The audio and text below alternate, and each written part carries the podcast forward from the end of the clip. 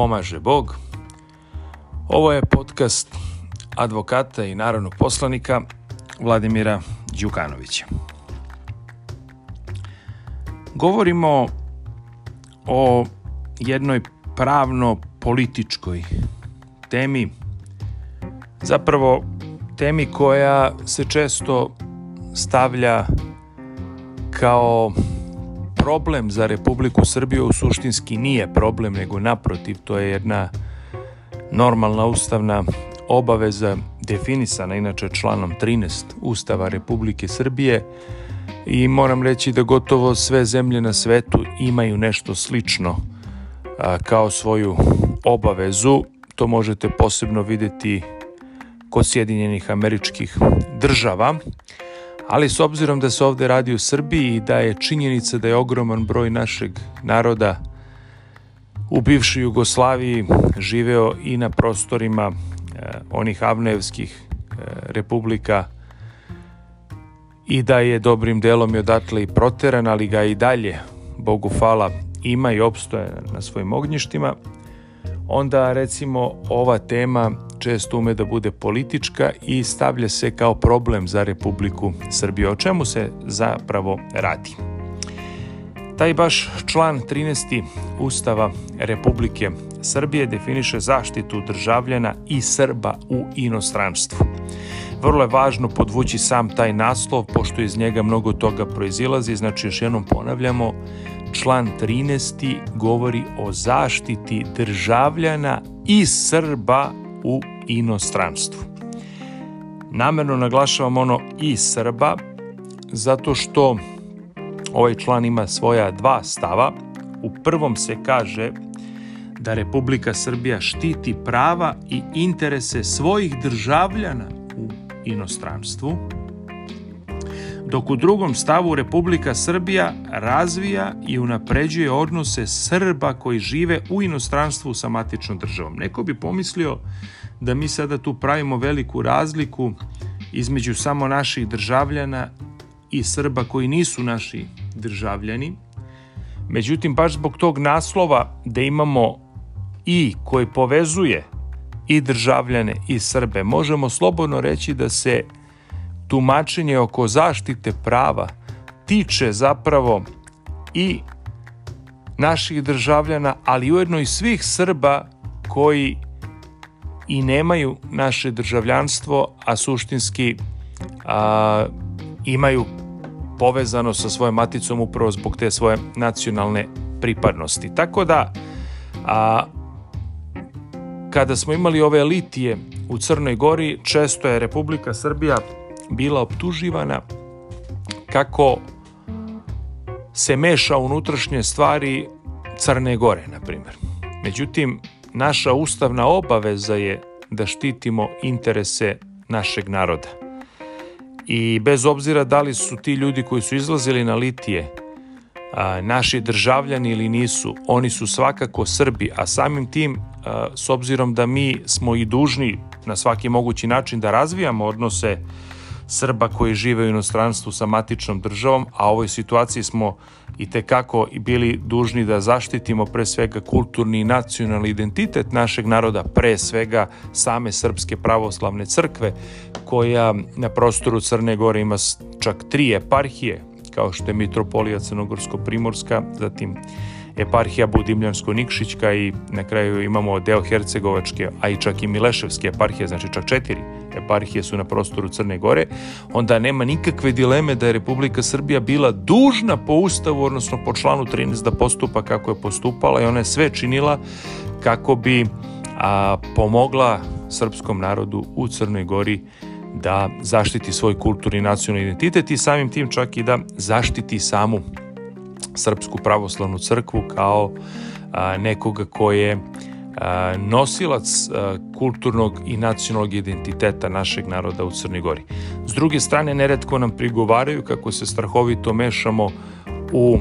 a, odnose u Bosni i Hercegovini, međutim, mi čak i po Dejtonskom sporazumu imamo pravo da razvijamo takozvane paralelne veze sa srpskim narodom u Republici Srpskoj, koji je uzgred budi rečeno i konstitutivan narod u Bosni i Hercegovini i te specijalne, odnosno paralelne veze koje mi s njima imamo su između ostalog jedna naša dodatna svakako obaveza koja pored Ustava postoji, a još moramo da kažemo da je i e, tadašnja Savezna Republika Jugoslavija bila i garant Dejtonskog sporazuma, pa je i to još nešto što učvršćuje tu našu obavezu da štitimo naš narod u Republici Srpskoj. Ali bez obzira čak na to, mi smo svakako po Ustavu dužni da štitimo interese svih naših državljana i Srba svakako, tako se to može slobodno tumačiti u ovom članu Ustava, ali i da razvijamo naravno specijalne, specijalne odnose. Tako da a, prigovori koji idu ka tome da se Srbija meša unutrašnje stvari nekih drugih država jednostavno ne stoje zato što mi imamo ustavnu obavezu da radimo nešto. A, slično je i sa Republikom Hrvatskom i tu moram da kažem da e, mi imamo pravo da se na mnogo toga pozovemo s obzirom da je Hrvatska krenula u